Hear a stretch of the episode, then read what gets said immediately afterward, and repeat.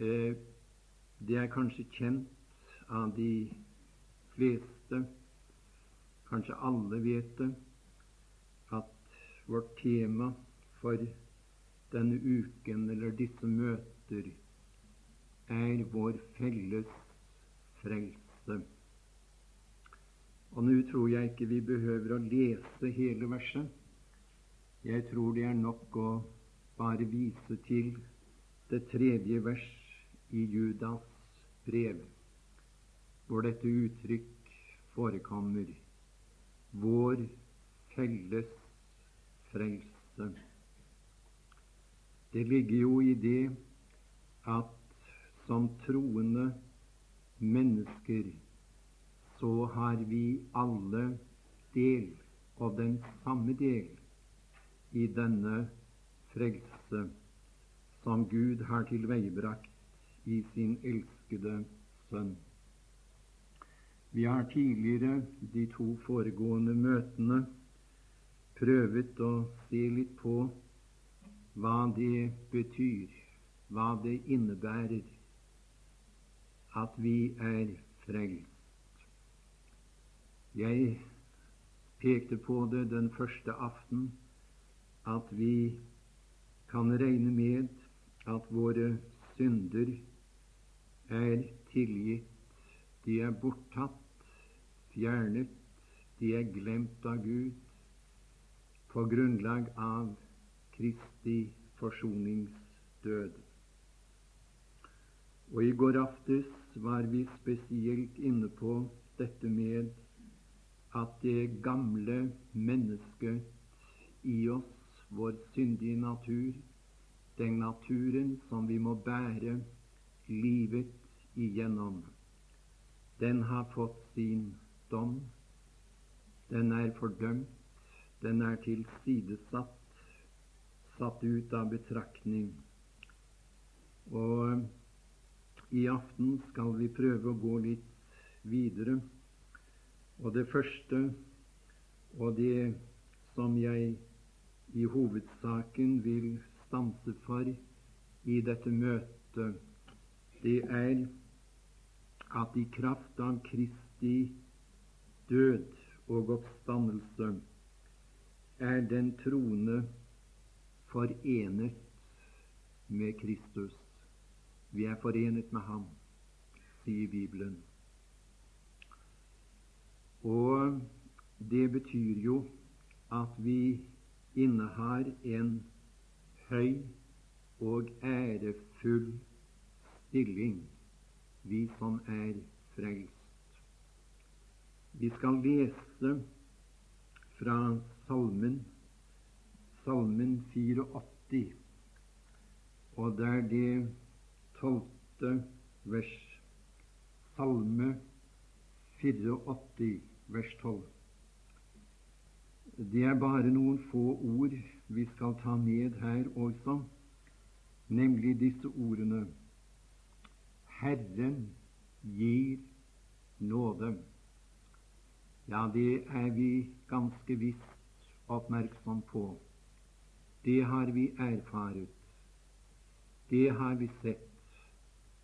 Men det står noe mer her som jeg har lyst til å gjøre deg oppmerksom på, og det er dette Herren gir nåde og ære. La meg få lov å lese det en gang til, og jeg ber deg tenke over det. Hør nå. Herren gir nåde og ære. Vi kjenner til fra eh, den juridiske doms, de juridiske domstoler i denne verden at de er utelukket den mann eller den kvinne som er i den forfatning at de trenger nåde. De må få tilgivelse. De må bli benådet. De mennesker er egentlig æreløse. Ikke sant? Det er komplett umulig at en som er skyldig, kan gå fra rettssalen med æren i behold. Du har tapt din ære hvis du er i den tilstand at du må få nåde. Slik er det her. Men det er annerledes hos Gud. Og det er annerledes når det gjelder den frelse som Gud har skjenket oss, og som vi er felles om. Der heter det Gud, Herren, gir nåde og ære. Det betyr at vi er rettferdiggjort. Det betyr, mine tilhørere, at vi er løftet opp og har, innehar til alle tider en ærefull og høy og aktet stilling i Guds elskelige Sønn. Vi er til alle tider i Ham innenfor Gud. Og det er usigelig stort. Eh, vi er levendegjort. Vil du ta med det? Vi er levendegjort med Kristus. Vi talte i går om at vi er død med ham. Vi har del med ham i hans død. Men nå skal vi se litt på at vi også er gjort levende med ham. Og det blir noen steder her å lese, og vi skal da først gå til Romebrevet, det sjette kapittel. Romebrevet, kapittel 6, Og vi leser der ifra det øh, åttende vers. Romerbrevet 6, vers 8 til og med vers 10. Men er vi død med Kristus, og det har vi sett, det har vi prøvd å betrakte. Eh, er vi død med Kristus, da tror vi at vi også skal leve med Ham. Leve med Ham. Vil du merke deg det? Eh, fordi vi vet at etter at Kristus er oppstanden fra de døde, dør han ikke mer. Døden har ikke mer noen makt over ham. For sin død, den døde han én gang for synden. Men sitt liv, det lever han for Gud.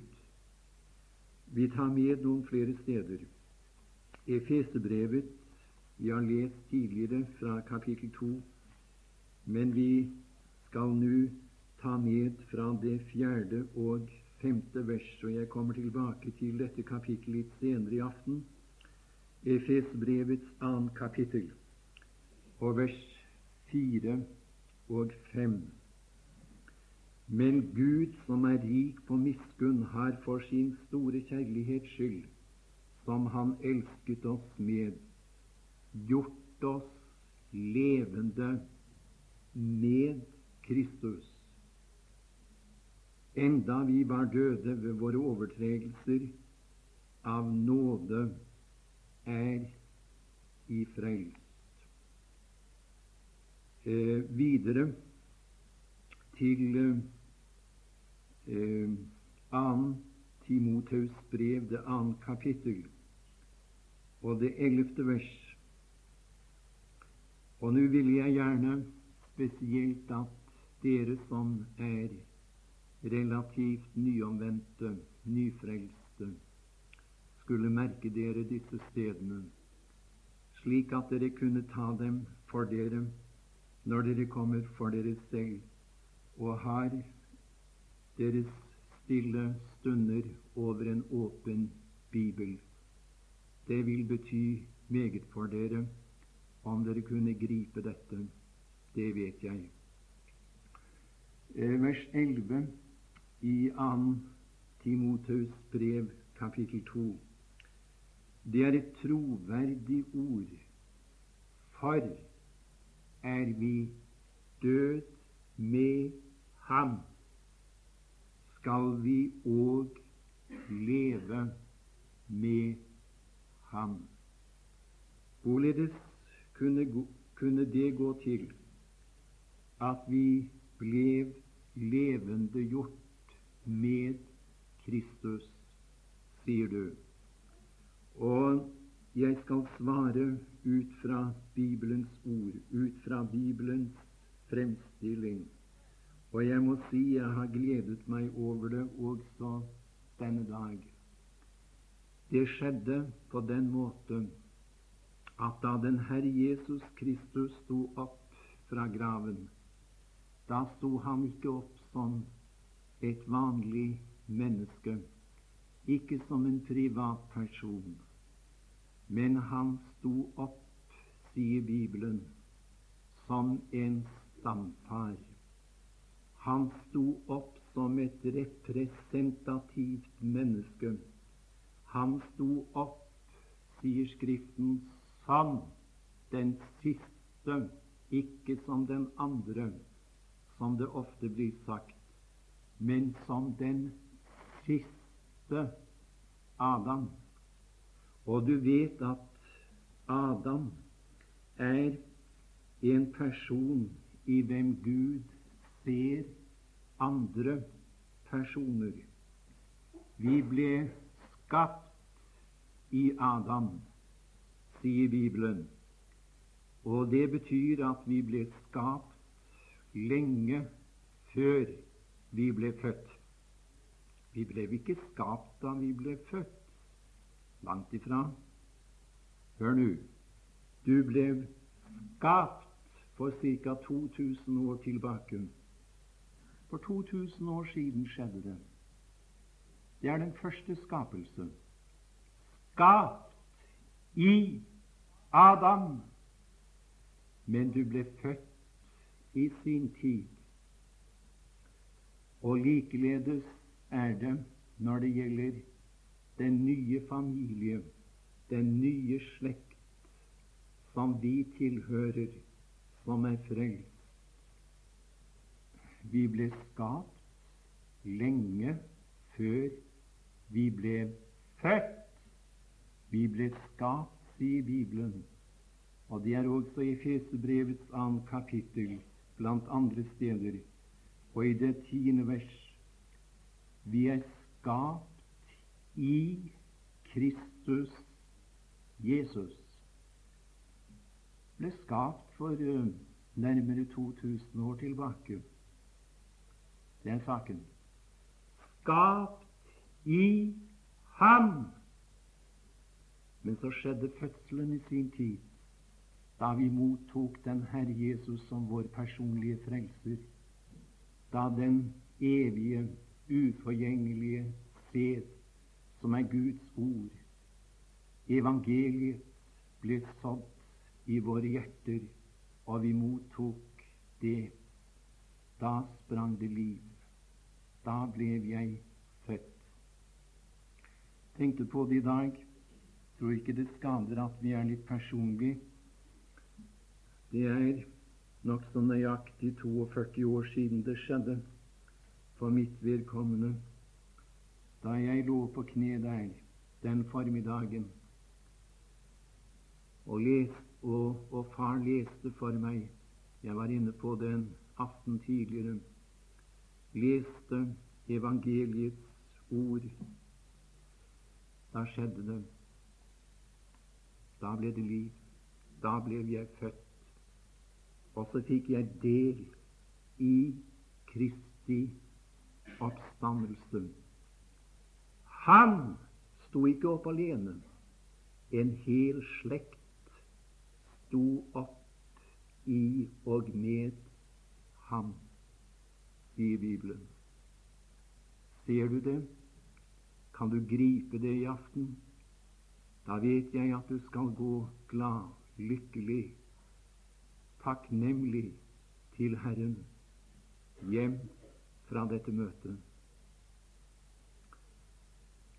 Levendegjort med Kristus. Videre Kristi stilling ved Guds høyre hånd er den troendes stilling. Hør nå, må jeg få lov å si det en gang til, og må jeg få lov å presisere det. Den stilling Kristus innehar nå, etter sin oppstandelse og sin hjemgang til Faderen, den har vi i ham. Skal vi lese igjen fra Efeserbrevet? Jeg lovte å komme tilbake til det. I det annet kapittel og det sjette vers. Jeg vet ikke noen sannhet i Bibelen som har kommet til å bety mer for meg i mitt liv enn Efesebrevet 2, vers 6. Det er mange fine ord. Ja, alt er fint, alt er godt, alt er hellig, alt er rent av det vi leser innenfor disse to permer. La oss holde det klart for oss. Misforstå meg endelig ikke, men det er noen ord som har kommet til å få, så langt jeg har kunnet vurdere dem, større betydning i mitt liv enn andre ord. Og jeg er så lykkelig over at jeg fikk høre det mens jeg var ung som jeg nevnte litt om i går aftes. Jeg fikk se at det gamle mennesket var med i hans død. Skaffet det bort. Han er ferdig med det. Adams historien sluttet i Guds betraktningsmåte i Kristi død. Men så leser vi her, så hører Og dette verset det ville jeg gjerne at du skulle ta med deg hjem fra møtet og se nøye på. Og du må be over det. Det er én ting å ha dette i teorien. Det er vel mulig at du kjenner det, at du kan det utenat, men det er noe ganske annet når det blir en erkjennelsessak for deg. Og det var det Gud ønsket det skulle bli. Det er først da det kan bli deg til hjelp i ditt trosliv. Vi leser Og oppvakt oss med ham. Ja, det har vi sett litt på. Så heter det videre Og satt oss med ham. Satt oss med ham i himmelen, i Kristus Jesus. Jeg synes uh, det kan eh, illustreres, dette, ved en liten historie som jeg hørte for uh, noen tid tilbake. Så vidt jeg kan huske, så skjedde det borte i Skottland for mange, mange år siden. Eh, det var en som kjørte i sin vogn der på en landevei. Og det var jo i den tiden før bilene var blitt alminnelig. Så han kjørte der, og som han kjørte opp på siden av en spaserende, så stoppet han vognen og tilbød den spaserende plass. Denne bukket, og han tar plass ved den kjørendes side. Eh, det utspant seg en samtale dem imellom. Det var han som kjørte, som innledet samtalen. Han var nemlig en kristen. Han var frelst. Han hørte Herren til. Og ikke bare det, men han hadde en brann tent her inne etter å vinne andre for Kristus. Han ønsket å vitne om Herren, han ønsket å få denne mannen med på veien hjem til herligheten, hvis han ikke var begynt på den veien. Så sier han, Si meg, min Herre, Men er de på vei til himmelen? Er de på vei til himmelen? Så ser den andre på ham. Ja, jeg bor der. Jeg bor der. Det var et merkelig svar, tenkte denne mannen som spurte. Og så, og så sier han det litt tydeligere. Si meg, er det så at de er på vei til himmelen? Ja, jeg bor der. Besynderlig at ikke mannen skal skjønne hva jeg mener, tenkte den andre. Og så tok han seg liksom på tak, og så sa han Min Herre, jeg ønsker ikke å vite om de bor i himmelen. Men jeg ville så gjerne vite om de er begynt på veien. Er de begynt på veien som fører til himmelen? Er de det?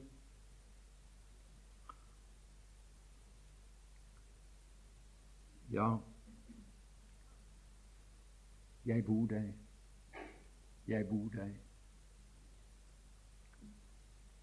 Ja, jeg gadd vite om alle som er her i aften, har erkjent den sannhet.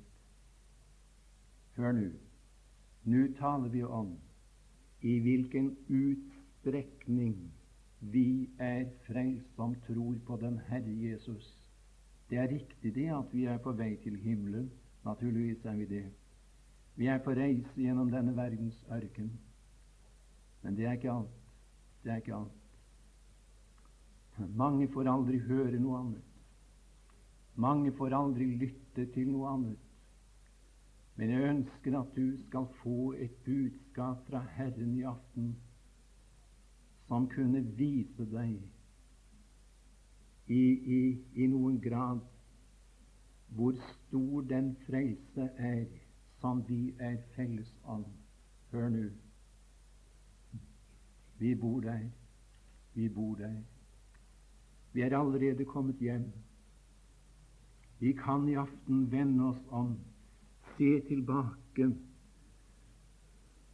se tilbake 2000 år i historien cirka. Og så kan vi konstatere min oppstandelse er skjedd. Det er skjedd! Min himmelfartsdag ligger bak meg. Det er allerede hendt. Jeg er allerede kommet hjem i en annen person, i den siste Adam i stamfaderen for den nye familie, den nye slekt. Plassert der, innenfor dette revnede forheng, i selve herligheten. Hør nå, det er stabilt, dette her. Det er grundig gjort, dette her. Du er grundig frelst. Du er der allerede. I ham, i Kristus. Bor der stadig under alle livets omstendigheter og skiftende forhold, mine tilhørere.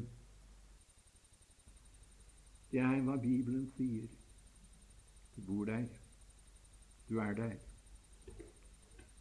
Jeg holder det for å være like sikkert og like godt å være der i Hans velsignede person som om jeg allerede var der i min egen person. Jeg står her i Åkre han bedehus i aften. Men hør nå.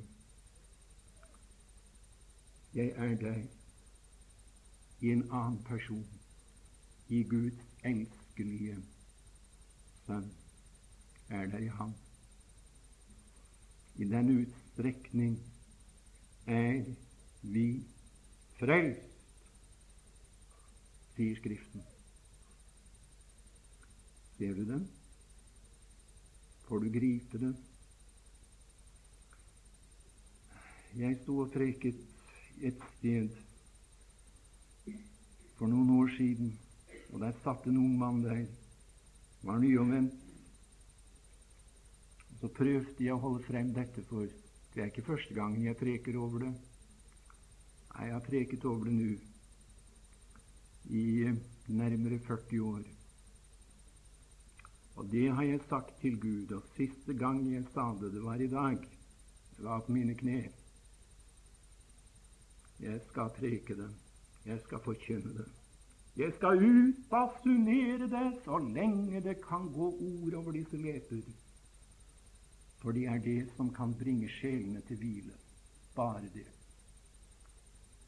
At du får se noe annet. frelsens betydning, i hvilken utstrekning Jeg kan ikke si det på en bedre måte, tror jeg. Du allerede er frelst i ham. Så gikk den unge mannen hjem den aften. Jeg talte med ham. En tid etterpå så sa han det, det var som det ville svimle for meg. Det gikk lys opp. Han fikk se det. Han fikk gripe det. Ikke bare noe han hørte, det var noe han grep fatt i. Det ble en erkjennelsessak for ham. Tenk om det kunne bli det for første gang for deg i aften.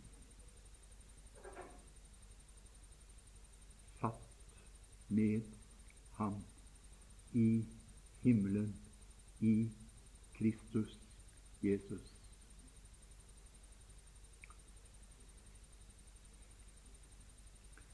Det betyr at vi er som Han er i Guds øyne. Den største ulykke i mitt liv har vært at jeg har vært så tilbøyelig til å rette blikket innad i min egen barm. Og jeg tror nok at det ligger nært til for oss, hver enkelt. Vi er opptatt med oss selv, kretser om oss selv, vender blikket inn imot det gamle, syndige, fordervede, slibrige, heslige som bor her inne. Men jeg har aldri blitt oppmuntret av det. Aldri. Nei, jeg er blitt Jeg holdt på å skulle si deprimert. Jeg er blitt nedstemt ved å, ved å være opptatt med meg selv. Men så har jeg fått vendt blikket oppad imot tronen og betraktet det mennesket som sitter der hjemme i Guds nærhet Kristus. Da er jeg blitt oppløftet.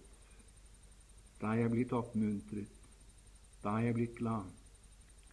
Skulle ønsket at du kunne få se dette nå. Du som har sett det før, du vil glede deg storlig over å høre det på nytt. Det er ingenting som varmer hjertet som nettopp å høre disse vidunderlige sannheter og må jeg få lov å ta deg med til 1. Johannes brev, det fjerde kapittel og det 17. vers. Vi skal lese bare siste del av det verset som vi spesielt har bruk for her nå. Altså eh, 1. Johannes brev, kapittel 4, og siste del av vers 17.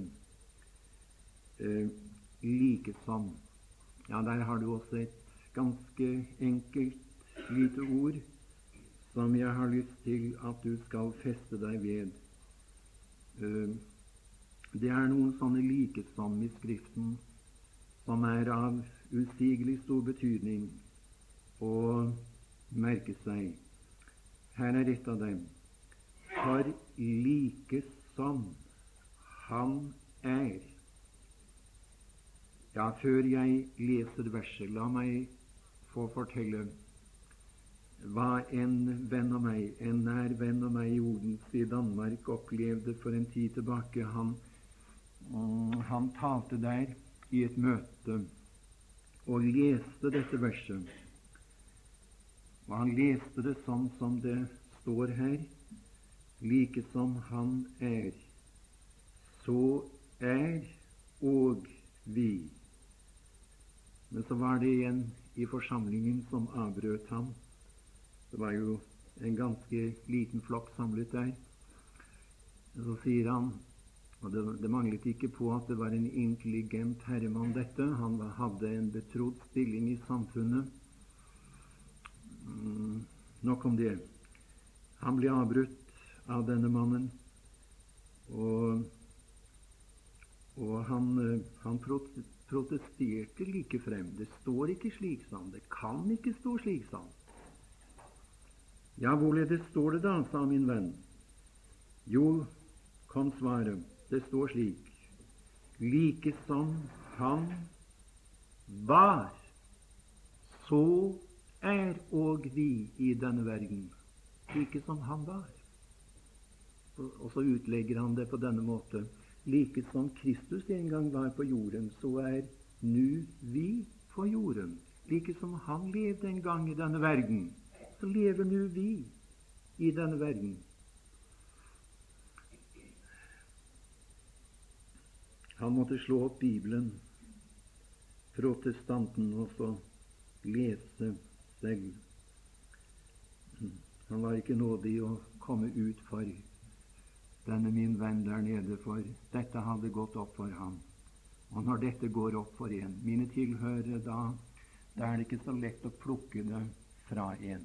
Det er ikke det. Når Den hellige ånd har festet dette i vår ånd, så det har blitt en erkjennelsessak. Da er det ikke så lett å, å, å få dette bort fra en. Så sier han, slå opp Bibelen, les. Og så leste han. Ja, sa han, det står virkelig sånn. Det må være sant likevel, da. Ja, det er sant. Det er Guds ord. Det lyder slik.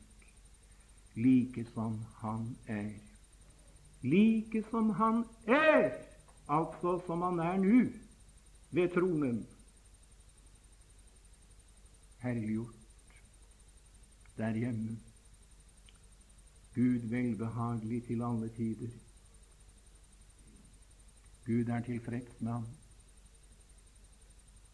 Fornøyd.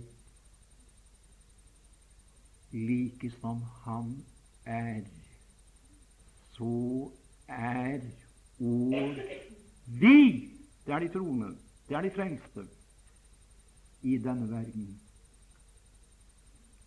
Ja, hvis du er interessert i å vite hvorledes du ser ut i Guds øyne, hvorledes du tar deg ut for Ham, så skal du ikke vende blikket innad i din egen barm, men da skal du betrakte Kristus. Du skal fordype deg i Ham.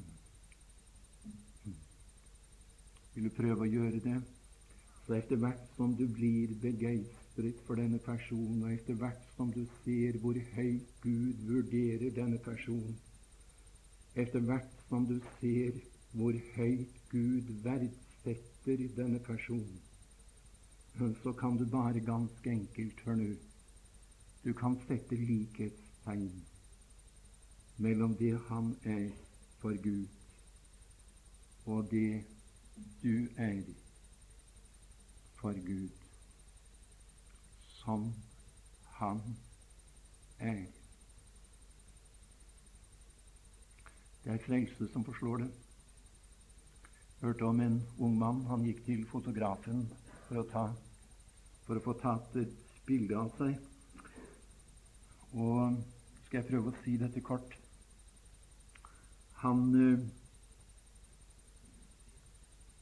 han plasserte dette bildet på sitt værelse, på sitt arbeidsværelse.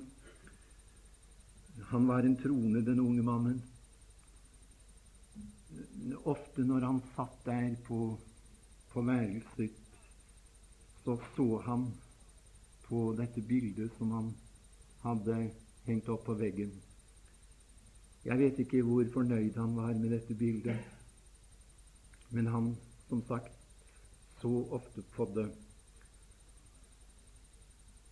Så var det en dag han kom inn på rommet, satte seg der ved bordet. Så skulle han se på dette bildet av seg selv igjen. Det er jo gjerne slik når du ser et fotografi av en gruppe, f.eks. Hvem er det det første du ser på når du selv er med? Bare spør. Hvem er det det første du ser på? Var det godt bilde av meg? Hva? Er jeg lik meg? Ja. Nei, sånn ser jeg ikke ut, har jeg hørt mange ganger. Det har, det har blitt sagt. Jeg vil nødig gå med på det. Hva? Hvordan man er egentlig. Hvordan man ser ut. Så var det den dagen han kom inn på rommet der og skulle se på dette bildet, så viste det seg at det hadde skjedd noe der. Bildet av ham. Det var tatt ut av rammen. Fjernet. Så var det kommet et Kristusbilde i stedet i rammen. Nå er ikke jeg noe så veldig for Kristusbilder. Det er jeg ikke. Men uh, jeg synes allikevel at dette kan si oss noe. Det var kommet et Kristusbilde i rammen, og så blir han sittende og se på ham. Så får han etterpå vite at det var hans mor som hadde skiftet ut bildet, plassert Kristus i rammen. Kristus sitter han og betrakter ham. Det er det som har skjedd. Det var det som, som skjedde den dagen du ble født på ny, ble frelst, tok ved troen på ham og hans verk. Det gamle bildet, bildet av deg, bildet av det syndige mennesket, det ble fjernet, satt bort. Så kom det et nytt bilde i rammen. Kristus. Kristus. Det er bare en nyskapning, sier Bibelen. Bare.